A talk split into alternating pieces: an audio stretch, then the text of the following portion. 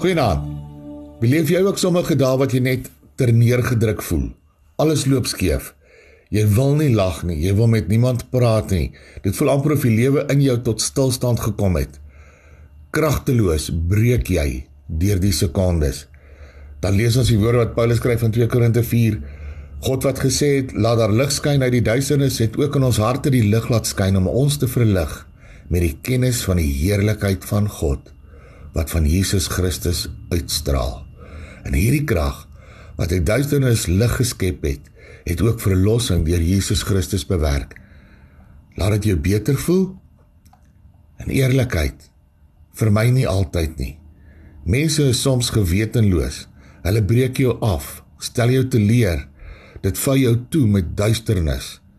En dan sê Paulus: "Maar ons het hierdie skat in erdekruike sodat die voortreffelikheid van die krag van God mag wees en nie uit ons nie. In alles word ons verdruk, maar ons is nie terneergedruk nie. Ons is verleë, maar nie radeloos nie. Vervolg, maar nie verlate nie. Neergewerp, maar nie vernietig nie. En mag hierdie krag wat God gee ook in jou werk.